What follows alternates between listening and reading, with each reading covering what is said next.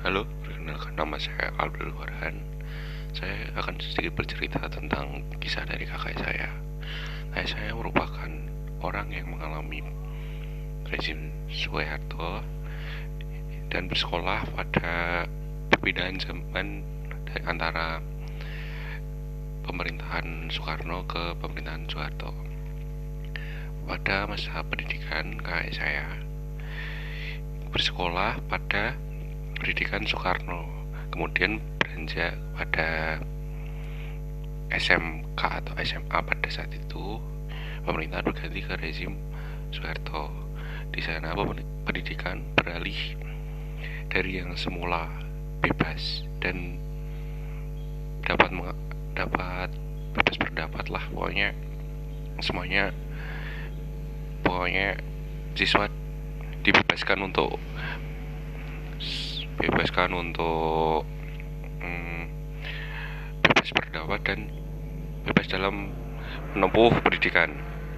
Berbeda dengan rezim Soeharto yang selalu dikekang dan tunduk di bawah pemerintahan.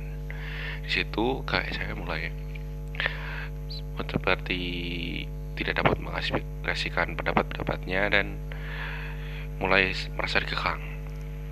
Pada saat SMK itu pula saya bertemu ada organisasi-organisasi kecil yang mengaspirasikan yang menyuarakan dan menentang pemerintahan.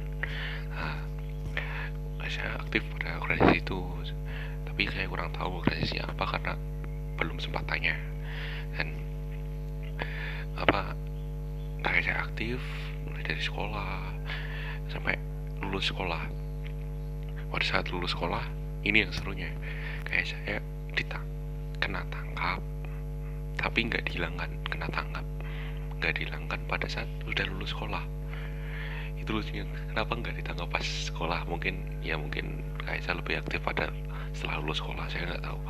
Tapi saya pernah ditangkap setelah lulus sekolah dan mengalami hukuman beberapa bulan. Pada saat hukuman mereka saya bertemu banyak orang dan kasusnya hampir mirip.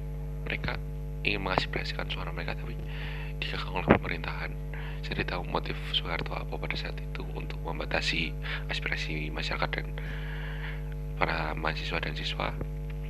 Tapi terkesan mengekang.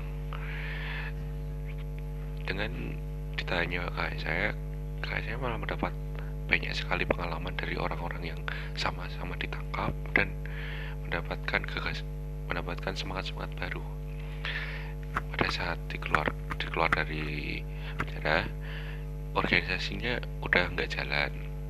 Tapi jiwa dari kakak saya masih jalan.